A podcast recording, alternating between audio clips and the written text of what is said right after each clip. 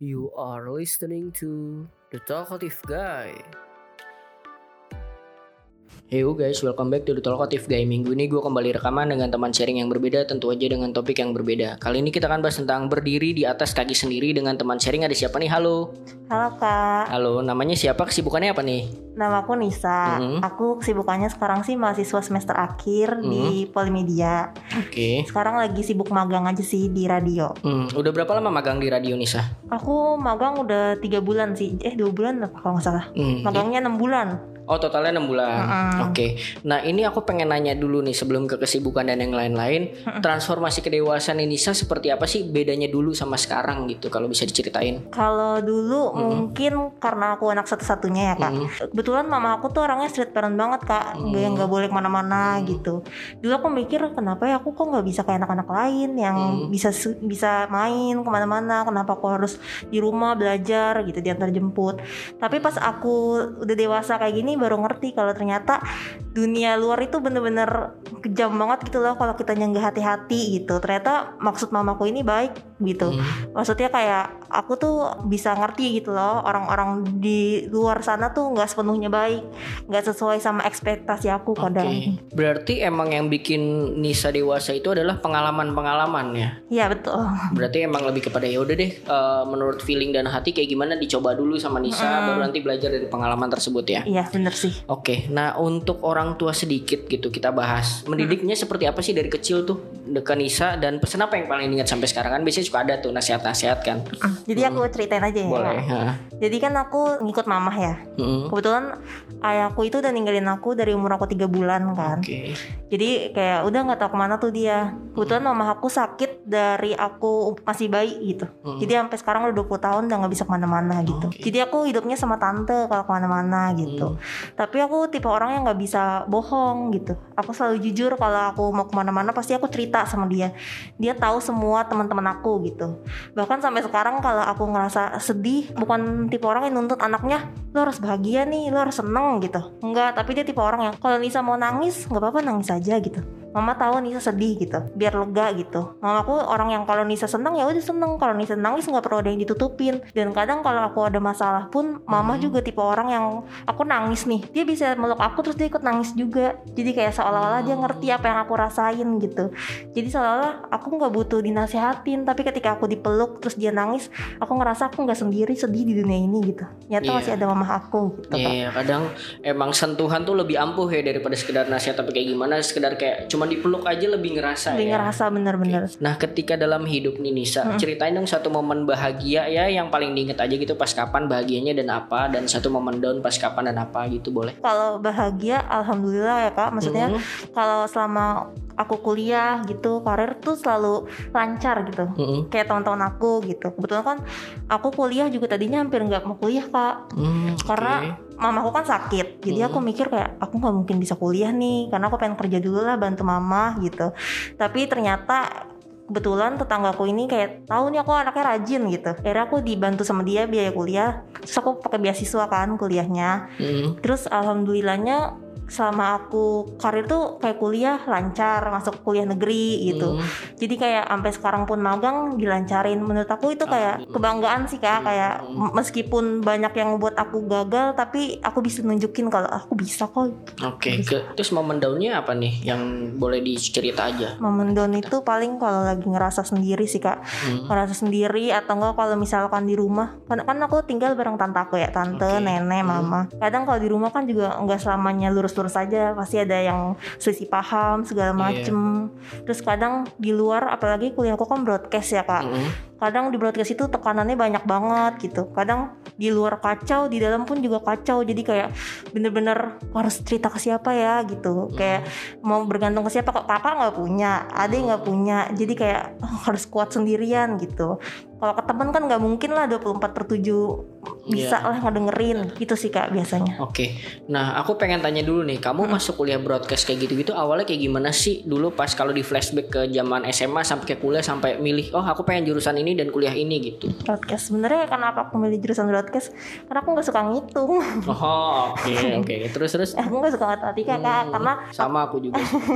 terus? Karena aku orangnya senangnya ngobrol gitu. Ketemu orang baru tuh oh dari dulu emang kayak gitu ya? dari dulu kayak menyenangkan aja. Tapi dulu aku waktu kecil tuh pemalu banget kak. Gak berani ketemu orang. Tapi sama tante aku tuh suka diajak kalau ada lomba di mall suruh ikut gitu jadi akhirnya sekarang udah terbiasa tampil eksis gitu terus akhirnya ya udah broadcast deh gitu Oke. paling aman Ketika kamu mau kuliah gitu dan sekarang udah hampir lulus, struggle-struggle apa sih yang dihadapin dan ada pesan nggak buat yang masih kuliah dan jurusannya sama kayak kamu gitu apa aja terserah buat pendengar kita nih. yang sama media nih Mm-mm, dunia betul. seni lah istilahnya itu kan pasti tekanannya banyak banget ya kayak kadang kita ketemu orang yang nggak sesuai dengan ekspektasi kita kak Mm. kita juga harus menghibur orang padahal kita sendiri sedih gitu Mm-mm. tapi kita karena ketemu orang banyak mau nggak mau kita harus tetap fine happy karena nggak mungkin kan kita ketemu orang terus mood kita hancur kan Hmm. gitu jadi sebisa mungkin ya gimana caranya emang berdamai dulu sih sama diri sendiri kak Hmm. kayak yang penting kitanya juga dibawa enjoy dibawa seneng nggak ada pikiran gitu Hmm, Oke, nah ketika kamu mengalami down gitu, gimana caranya kamu bangkit? Kan tiap orang kan nggak mungkin lagi down terus tiba-tiba termotivasi dan bangkit kan, pasti ada prosesnya. Kalau Nisa seperti apa? biasanya kalau aku lagi down itu aku kalau malam tuh bisa kayak nangis sendiri gitu kak. Hmm. kayak introspeksi aja kayak gue punya salah apa ya sama orang gitu. Hmm. terus sampai pernah aku kayak di mana aku pengen minta maaf nih ke semua orang gitu. Mau berdamai aja sama diri sendiri gitu. Terus aku pernah minta maaf ke semua kontak-kontak aku gitu. Terus kayak kaget kenapa aku minta maaf? kayak gitu kan. Hmm. tapi pas aku minta maaf pas aku bisa berdamai sama masa lalu kayak enak aja gitu ngerasa lega aja seneng gitu punya teman-teman yang support aku gitu. Kadang aku juga bantu teman aku nih kak kalau mereka lagi susah. Karena aku ngerti dia di bawah terus pas aku lagi ngerasa di bawah aku nggak mau teman aku ngerasain sama apa yang aku rasa gitu. Iya, iya, benar-benar lebih peduli ya. iya jadi lebih lebih care sih sebenarnya kak karena Oke. ngalamin.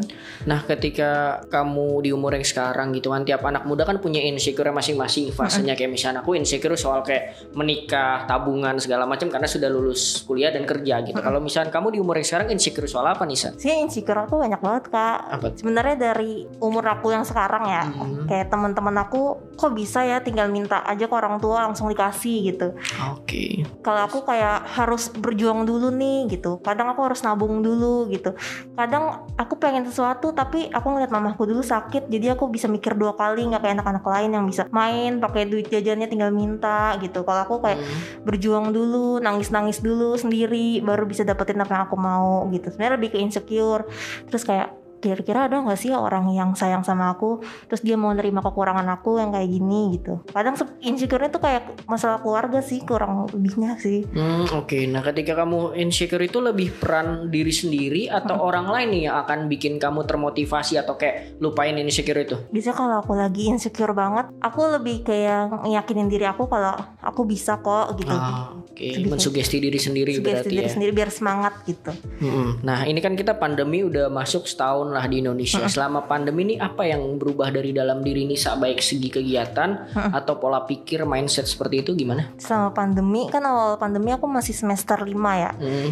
itu aku di rumah aja tuh bener-bener stres banget kak karena emang Ah, tugas yang ah. terus-terusan numpuk kan Hmm. tapi aku jadi bisa tahu nih teman-teman aku yang bener-bener temen sama teman-teman yang kayak eh udah cuma teman doang gitu lebih peka aja gitu loh apalagi kan kuliah aku butuhin orang kan kayak sekarang magang butuhin Hmm, orang hmm. gitu. Kadang teman deket pun aja pas aku susah minta tolong aja mereka alasan lah segala macem lah. Jadi kayak oh ternyata ada orang yang emang bener-bener dia bisa bantu aku pas aku lagi susah sama orang yang cuman tahu aku pas aku lagi senang aja gitu Oh jadi terfil- terfilter dengan Filter sendirinya ya. Iya betul Nah ini kan kamu berarti magang di saat pandemi ya. Mm-mm. Selama pandemi ini gimana magangnya jadi lebih sulit apa gimana nih? Apalagi kan media kan. Iya aku magang kan di Jakarta Pusat ya Hmm. Aku naik kereta Kebetulan magangku ini Dia WFH WFO kak Oke. Jadi agak lebih ringanan sih Karena baliknya juga pulangnya sore Nggak kayak malam-malam banget gitu Dari segi pekerjaan lebih susah dikerjain atau lebih numpuk atau sama-sama aja sebenarnya? karena emang ini passion aku di radio jadi aku ngerasa enjoy gitu seneng aja kalau Oh, ngurusin apa tuh eh, magangnya apa Nisa bagian apa sih? aku bagian asisten produser Oh, berarti ngurus-ngurusi konten kreatif iya gitu konten ya? kreatif bener Oke, dulu juga aku ikut UKM radio pas kuliah. Hmm. Cuman karena kampus aku nggak ada magang, jadi emang langsung skripsi aja. Dan tapi Oh, bukan gitu. jurusan radio juga, bukan jurusan broadcast juga. Aku dulu kuliah jurusan komputer, Hmm. tapi aktifnya di UKM radio tersebut, bukan sebagai penyiar, cuma sebagai marketing. Jadi kayak lebih kepada dulu nyari sponsor. oh gitu, iya iya ada off airnya ya Benar. Nah, kalau untuk kita ngobrolin tentang tema kali ini kan tentang anak tunggal gitu kan, kamu sebagai anak tunggal gitu. Nah, persepsi seperti apa sih yang pengen kamu jelasin atau ceritain tentang anak tunggal gitu kan? Seperti yang kamu cerita di email gitu, mungkin bisa diceritain lebih detail lagi di sini. aku sendiri anak tunggal ya kak aku terbiasa kalau di rumah emang kelihatannya manja gitu kayak anak-anak pada umumnya aja gitu Oke. Tapi ketika aku sebenarnya lebih ke percintaan sih gitu. Mm-hmm. bisa orang yang kenal aku pasti mikirnya kayak ah manja nih nggak bisa apa-apa gitu. Hmm. aku bukan aku juga bukan tipe orang yang oh gue bisa kok semuanya. Enggak sih. Aku kayak ya udahlah sama aja kayak anak-anak pada umumnya gitu.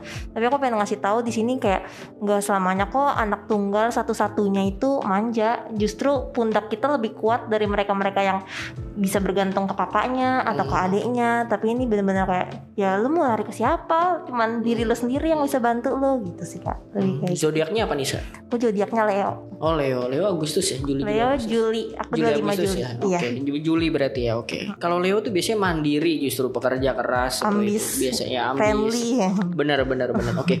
Nah, dengan jadi anak tunggal biasanya kayak tadi selain kayak tadi stereotipnya adalah manja, kadang ada juga yang berpikiran bahwa susah ngendalin ego karena kan apa-apa semua tentang dia lah. Kalau misalkan yang Nisa rasa seperti apa nih kalau dengan stereotip seperti itu? kalau dulu aku tipe orang yang dulu aku tuh orangnya nggak berani kak gitu tapi Hmm. mama aku ngajarin kalau kamu nggak salah nggak apa-apa lawan aja jadi aku dulu dari SD sampai SMA itu aku pernah jadi korban bully kak Hmm. bukan karena aku nggak punya teman tapi karena aku orangnya over gitu kan Hmm. jadi kadang ada orang yang ngerasa ini apaan sih orang lebay dah gitu Oh gitu. Iya. Diomongin secara langsung atau di belakang? eh diomongin aku pernah difitnah Oh, gitu macem-macem terus akhirnya takut banget kayak pokoknya takut deh sampai akhirnya aku kuliah masuk broadcast itu jadi Hmm. berani karena emang dia lebih tekanannya ba- banyak kan. Jadinya aku lebih kuat dengan sendirinya lah gitu.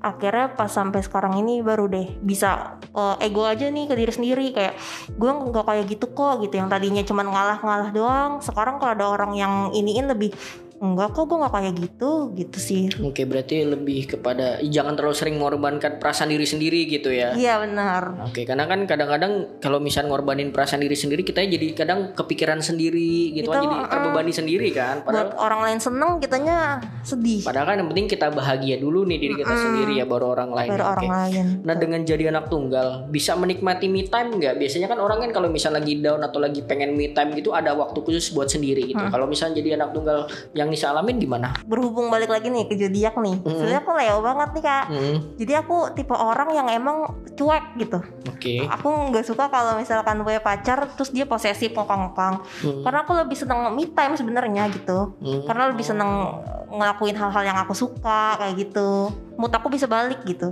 Hmm, Oke, berarti karena sudah terbiasa sendiri, jadi malah me time itu jadi apa charging energinya gitu Hmm, ya. bener Tetap butuh ya, tetap Mm-mm, butuh waktu untuk sih. me time ya. Oke.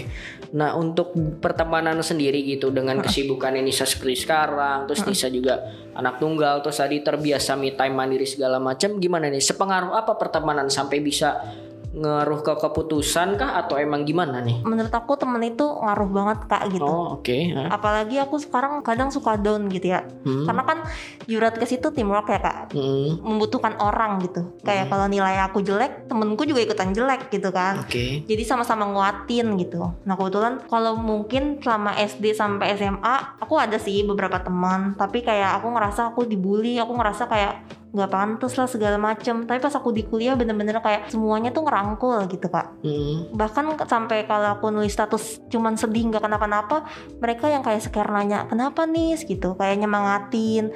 Terus kadang aku suka apresiasi mereka kayak orang tuh nggak butuh didengerin kak. Cuman butuh disemangatin aja kayak semangat aku bisa balik lagi kok. Hmm, Oke, tapi ngaruh. cuman sebagai support system aja atau sampai mempengaruhi keputusan yang Nisa ambil dalam uh, segi positif negatif ya kita ngomongin secara netral aja. Sampai pengaruh sepengaruh itu gak apa gimana? sebenarnya aku nggak mau begitu bergantung ke temen sih kak. Ah, Oke. tapi karena kadang aku kan orangnya ekstro banget ya. Mm-mm. aku orangnya demen ngobrol. Kalau aku mendem sendiri pusing banget aku rasanya gitu. Hmm. lebih ke lebih ke buat ngedengerin sih kak gitu. Cuman kalau untuk ngambil keputusan kayak negatif positif aku filter dulu gitu mana sih ini yang benar sama yang enggak? Oke, nah dengan tadi punya pengalaman diri sendiri percintaan segala macam, berarti di umur yang sekarang prinsip tentang percintaan atau relationshipnya Nisa seperti apa nih pengennya nih? jadi waktu dulu tuh aku tipe orang yang ya udahlah orang cuman taunya aku bahagia nih sama pasanganku gitu. Aku bener-bener kayak kalau udah cinta udah cinta banget deh pokoknya bisa Hmm, bucin ya. bucin banget iya terus sampai sekarang pas udah umur 20 tahun ngelihat orang-orang yang bucin jadinya kayak masa gue udah lewat deh kayaknya begitu gitu. Sekarang Hmm. lebih milih-milih gitu. Tapi aku pengen banget punya jodoh yang emang lebih tua dari aku lah. Oke. aku nggak mau yang sepantaran yang cuma ngabisin waktunya nongkrong segala macem. Kayak masa aku udah lewat lah yang kayak gitu. Meskipun orang yang udah lebih tua mikir aku ah masih 20 tahun? Mikir aku udah jauh banget sih gitu kan. Cuman karena aku pengen punya orang yang sama-sama sportif aja sih kak. Kayak ngedukung gitu kayak bisa diajak diskusi bareng gitu meskipun kadang yang lebih tua juga nggak sesuai sama ekspektasi aku kak gitu sama-sama nyakitin juga Iya gitu sih. benar, nggak bisa dinilai dari umur sih, dari pola pikir, iya dari dinilai dari plan ke depan segala macamnya Mm-mm, sih betul. gitu. Oke. Nah berarti eh, aku boleh tahu gak nih sebutin apa kamu dulu? Contohnya yang boleh cerita nanti aku cerita juga deh Oh. Oke, biar adil. bener-bener. Pengen tahu aja. Aku bucin banget kak. Jadi dulu aku pernah punya mantan. Eh, Eh, aku pacaran setahun, terus dia kayak ngeretin uang aku gitu. hmm, Bener-bener. oke, materi berarti ya. Iya, sampai kayak ngebentak gitu-gitu. Tapi emang mama aku udah kenal dia sih gitu. Hmm, Jadi beratnya di situ ya waktu itu ya. Aku pernah dijadiin korban selingkuhan, bayangin kak. Jadi tuh kalau ada orang yang ngedeketin aku, aku nggak tahu kalau dia udah punya pacar. Terus ntar tiba-tiba pacarnya ngelabrak gitu. Hmm, dan itu kayak lebih trauma sih kayak ih, cowok tuh kadang kayak gitu ya. Maksudnya bisa buayanya tuh ketutup banget gitu. Jadi lebih bener-bener sacrifice sekarang deh udah sering mungkin. Saking rapinya biasanya kalau itu udah berulang kali gitu. Aku ngeliat di antara beberapa kenalan aku juga ada yang kayak gitu emang karena udah terbiasa jadi udah rapi aja gitu. Iya. Kalau dulu nih maksudnya nggak tahu sih ya kalau cowok bucinnya beda-beda kan. Bahkan jarang gitu cowok yang bucin. Kalau dulu aku karena mantan aku kuliahnya di Bandung, aku di Jakarta, seminggu sekali pernah PP Jakarta Bandung, terus nginep di musola, terus pulang lagi besok paginya pernah se, se sebucin itu. Cuman aku yakin ya bucin itu kan fase pendewasaan ya. iya bener-bener Benar kan? Jadi kan kayak misalnya ada yang bucin yang emang menurut dia nggak menyiksa, dia pasti akan menikmati aja. Tapi begitu lama-lama menyiksa, pasti dia akan akhirnya sendiri juga gitu. Capek, Ada, ada Kak. fasenya, iya. Gitu. Jadi ini aku nanya dan kita obrolin supaya pendengar kita bisa ngerasa relate lah. Siapa tahu percintaan di umur seumur Nisa yang 20 ini sekarang bisa kayak oh ada orang yang seperti ini dan akhirnya juga berakhirnya gimana bisa jadi pelajaran gitu kan. Oke, Betul. nah untuk yang mengalami keadaan seperti kamu dalam artian anak tunggal yang harus terbiasa mandiri segala macam, ada yang mau disampaikan nggak ke pendengar kita? Ya aku mau nyampein kayak Hmm. aku tahu kok nggak maksudnya nggak cuman aku yang punya ngalamin masalah kayak aku Betul. gini pasti di luar sana banyak banget yang lebih berat gitu Hmm. bahkan kadang kalau aku sayang sama seseorang aku jadi gantungin diri aku ke seseorang karena aku mikir Hmm. kalau aku punya orang punya pacar gitu. Aku mikir kayak aku punya temen gitu. Aku Hmm. ada orang yang bisa aku ceritain meskipun kadang dia cuek tapi aku seneng. Hmm. sampai pernah aku punya pacar terus dia ngomong kayak dia nggak bisa nggak bisa tanggung jawab atas kesedihan aku gitu. Kayak ya udah mandiri aja sendiri. Itu kan Urusin sendiri kalau sedih gitu Oh, ya. oh, urusan sendiri aja. Kenapa harus bergantung sama gue gitu? Padahal aku nggak butuh dia untuk harus tiba-tiba kayak nasehatin segala macem. Enggak. Dia ada aja aku udah seneng gitu. Sebenarnya kayak gitu sih kak. Jadi lebih kayak jangan gantungin kebahagiaan kita ke orang gitu Benar, itu penting sih. Even keluarga pun kadang keluarga ya ada batasnya juga kan bisa nge-support kita kan semua tergantung diri kita sendiri. karena kalau orang itu pergi diri kita jadi kebawa hilang juga kak gitu. Iya, iya. kita nggak nemuin diri kita lagi karena udah naruh sepenuhnya kita ke diri dia gitu Iya, kan. bergantung. Yang ada ya hilang gitu. betul Oke, nah kalau ngomongin tentang Instagram dikit atau sosial media gitu, kan, pengaruh positif negatifnya ke kehidupannya Nisa seperti apa sih? kalau sosmed Hmm. aku tuh kalau di lingkungan teman-teman aku asli aku dibilang anaknya sosmed banget gitu Hmm, kan Oke. menurut aku pengaruh banget kak gitu Hmm. karena kalau di sosmed itu mood aku bisa naik kalau di sosmed gitu Oh, mungkin oke. ada orang yang emang nggak suka Instagram kayak apaan sih gitu Hmm. tapi selagi nggak merugikan Hmm. ya udah nggak apa-apa sih gitu yang penting prinsip aku ya kalau aku Hmm. main sosmed itu kita jangan pernah ngomentarin orang yang emang gak sesuai sama kita gitu kayak Hmm. "Eh, ini orang suka Korea nih terus kayak aku komen ih apaan sih lo gitu enggak sih aku tipe orang yang udah bodo amat deh gitu Hmm. kayak urusin aja gitu toh kalau dia nggak suka sama aku ya udah tinggal unfollow tinggal block kayak sesimpel itu aja hidup nggak usah mikirin urusan orang asal Hmm. akunya juga nggak ngusik gitu Hmm. paling kalau aku main sosmed aku lebih ke iniin diri aku aja sendiri pencapaian aku teman-teman aku jadi kayak udah ini emang happynya aku gini buat ngabadiin Hmm. momen gitu sih kak Hmm, Oke, berarti nggak pernah ngerasain dampak negatifnya dari sosmed. Negatif pernah sih kak Hmm. aku pernah dipermaluin di sosmed juga kayak dia nge-share apa terus kayak ini jangan follow ini nih gitu-gitu Oh. cuman Oke. kayak ya udahlah aku dianggap orang- lalu aja ya kayak Iya gitu ya. orangnya enjoy aja sih kayak aku juga nggak musik mereka atau kalau mereka musik aku biarin aja sampai pernah ada teman aku yang bilang gak suka sama aku gara-gara aku suka update gitu ya sesimpel itu kayak apaan Iya. sih gitu kan aku mah orangnya bodo amat lah gitu lagi aku nggak spam banget atau nggak musik mereka enjoy aja aku sih Iya ya sosial media kan hak kita ya Hak terserah kita, mau ngupload yang kayak gimana gitu kan dan itu juga kita juga kenal dari sosmed kan gitu Mm-mm, asal bisa betul. gunain ke lebih banyak arah positifnya pasti nggak akan terganggu sih ya. iya bener pak Oke, banyak nah kamu kan bentar lagi mau lulus nih. Heeh. Ada hal-hal yang bakal dikangenin nggak nantinya? di kampus aku ya Iya. sebenarnya kalau kangen tuh banyak banget kak gitu Hmm. aku kan tiga tahun kan kayak bareng-bareng syuting segala macem gitu Hmm, jadi kayak aku lebih tahu nih sifat teman-teman aku satu sama lain gitu kan Oke. mungkin kalau di kampus-kampus lain dia individu modelnya kan Hmm. jadi kayak ya udah nilai sendiri berjuang sendiri kalau aku ya enggak berjuangnya bareng-bareng jadi ketika mau pisah gini lebih ngerasa dulu tuh bareng-bareng syuting segala macem Hmm. diomelin gitu lebih ke kangen sih kak sama kebiasa-kebiasaannya gitu Hmm, Oke, lebih kepada ke momen-momennya berarti ya. momen-momennya sih kak Oke. Nah, ketika kamu diberi pilihan gitu misalnya ini terlepas dari bersyukur atau enggak ya bisa balik ke masa lalu. Ada gak sih yang pengen kamu ubah satu momen atau satu kejadian apa gitu? Aku tuh nggak pernah nyesel kenal sama siapa pun orang di masa lalu aku. Oke. Karena kalau nggak ada mereka semua aku nggak bisa jadi seperti sekarang pastinya kan. Hmm, tapi yang aku ubah mungkin ke diri aku sendiri kali ya. Aku gampang ngambil keputusan gitu untuk kenal sama orang gitu. Jadi kadang orang tuh cuma bisa manfaatin aku kapan pun peluangnya lebih besar gitu. Oke mungkin sampai sekarang juga aku kayak gitu lebih gampang ngambil keputusan. Tapi harusnya aku lebih berpikir-pikir lagi karena kayak aku kecemplung lagi nih nih salah nih. Aku bisa gampang tergoyah. Oh ya udah deh kenal lagi nih orang yang kayak gini gitu lebih gitu sih kak Oke lebih berhati-hati berarti Berhati-hati. orang baru ya. Nah yang terakhir aku pengen nanya nih, plan kamu dalam 1 sampai tiga tahun ke depan apa nih? Mulai dari lulus kuliah dulu mau ngapain, kerja apa, bidang apa, terus apalagi mimpi-mimpi kamu nih? Hmm, plan aku sebenarnya mimpi aku tuh banyak banget kak. Hmm. Kalau sekarang ini aku udah cinta itu udah lah udahlah udah lewat lah gitu. Lebih Hmm. ke masa depan sih. Karena kan aku satu-satunya. Oke. Terus kayak pengen bahagian mama. Sebenarnya klasik sih semua orang juga pengen bahagian keluarganya gitu. Siapa Hmm. sih yang nggak mau gitu. Hmm. Tapi aku pengen banget jadi orang yang kata mamaku gini, kamu perempuan gitu, kamu nggak bisa bergantung terus sama laki gitu. Kalau kamu nanti pinter, laki-laki mana sih yang nggak mau sama kamu gitu. Jadi sekarang-sekarang ini aku fokusnya sih karir kerja. Aku pengen banget buka usaha sih kak gitu. Hmm, usaha apa? Kayak dagang makanan gitu Oh sih. oke. Karena aku suka masak kan. Oh baru aku pengen nanya, oh karena suka masak. Iya aku suka masak. Terus tapi kalau misalkan abis lulus pengen langsung buka usaha apa kerja dulu? Kerja aku pengen kerja. Kerja di apa nih bidang apa nih radio apa gimana? Aku sebenarnya pengen TV kak, karena Oh, pengen TV. tipe orang yang pengen keluar dari zona nyaman gitu. Suka tantangan, padahal anaknya lemah gitu, tapi kayak Iya ya. terus pengen Oh, usaha, Amin amin. pengen kuliah lagi sih kak. Oh amin amin. Setelah pu- punya duit yang cukup untuk kuliah lagi baru kuliah lagi berarti ya. Iya, Oke. karena ya, pendidikan kalau penting ya. di TV sih emang enak sih. Cuman kadang kalau kita fisiknya nggak kuat lah digenjot abis-abisan. Capek sih. Tengah malam segala macam itu sih. Bilang bilang gitu sih kakak aku. Benar gitu. Thank you banget nih Nisa di promote dulu dong Instagramnya biar pendengar kita tahu nih. Don't sharing, follow ya IG aku Koironisa underscore 25 Oke, jadi disclaimer buat pendengar kita ini hanya opini dan pengalaman kita berdua, nggak bermaksud menggurui atau kayak gimana Iya, gitu. betul. Jadi